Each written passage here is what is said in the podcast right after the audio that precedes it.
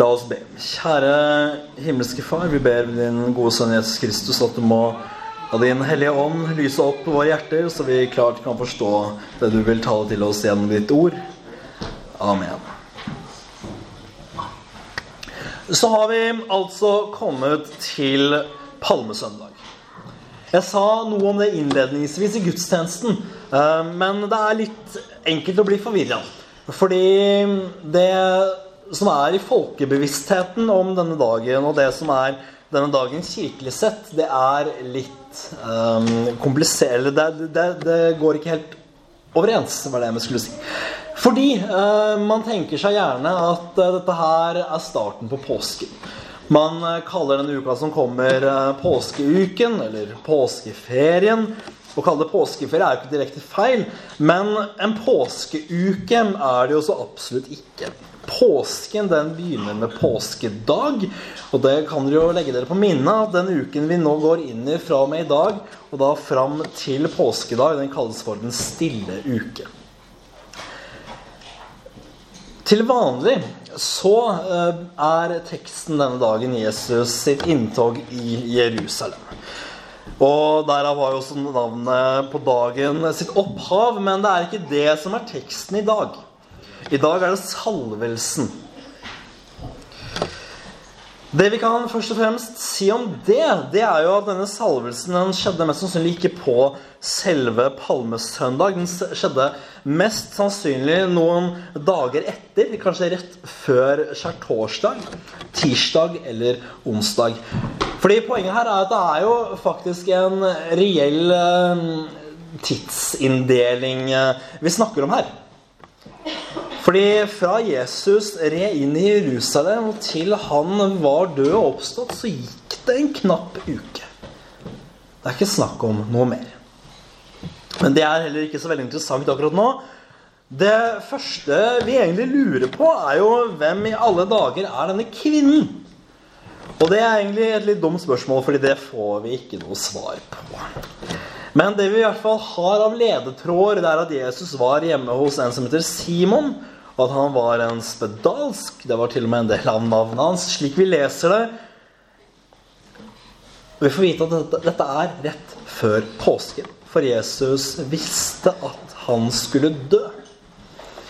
Og det første vi kan merke oss da, er at allerede, eller fremdeles da, når Jesus var på vei til død og grav og lidelse, fremdeles da hadde han omsorg for de syke og de svake. Det var jo som kjent ingen som ville ha noe med de spedalske å gjøre. Kanskje var denne kvinnen som kom og salvet Jesus, ikke nødvendigvis spedalsk, men kanskje også en av samfunnets utstøtte. Så hvorfor gjorde hun det hun gjorde? Det er jo enkelt å svare på, samtidig ikke. fordi hun visste jo mest sannsynlig ikke selv hva hun drev med. Og det fins flere eksempler på i Skriften at Mennesker gjør ting uten å egentlig vite meningen bak det sjøl, men at de ble drevet av Gud til å gjøre det. Og det er nok det vi ser også her. At denne kvinnen ble drevet av Gud til å salve Jesus. For Jesus avslører at det var en mening her. Disiplene de murrer. De forstår det ikke. Ønsket deres det er godt og fromt nok. De skulle heller solgt denne salven og gitt den til de fattige. Men Jesus ser at her er det en dypere mening. For her salves Jesus. Han forberedes på mange måter til sin gravferd. Og bare ved at vi har snakket om denne kvinnen allerede nå, og lest teksten om henne, så oppfylles jo også Jesus sin befaling. At minnet om denne kvinnen, det holdes levende. Og da må det jo ha vært viktig, det hun gjorde, denne navnløse kvinnen fra Matteusevangeliet. Når Jesus sier det såpass tydelig at overalt der hvor evangeliet forkynnes, så skal det hun gjorde, fortelles om.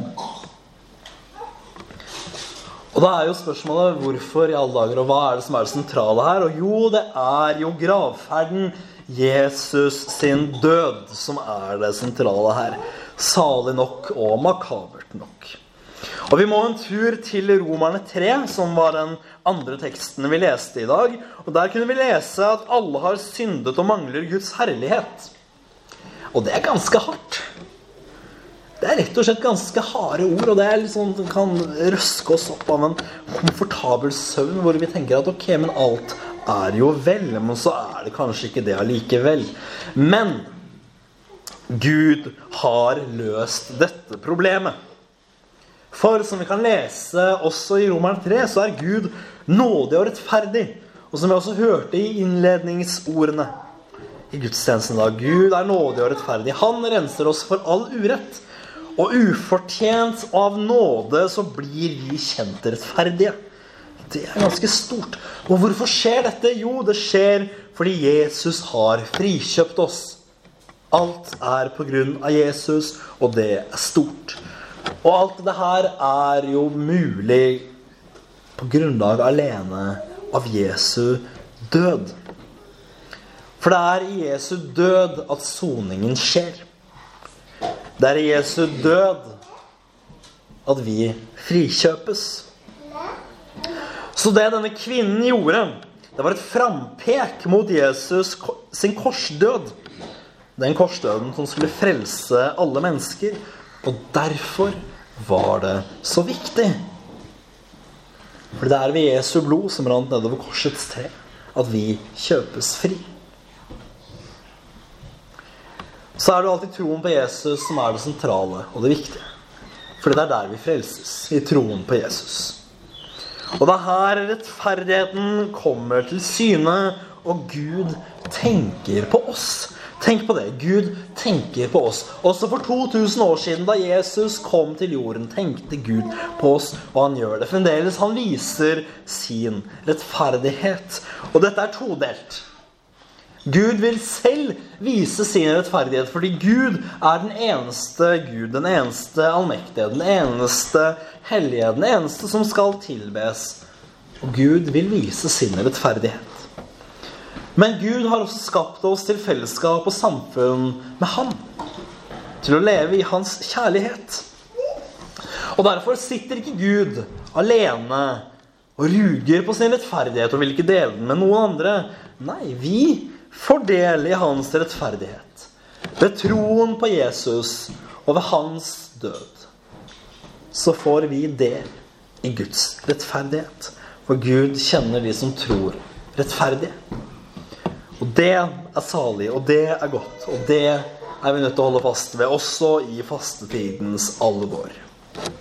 Ære være Faderen og Sønnen og Den hellige ånd, som var her og blir en sann Gud fra evighet og til evighet. Amen.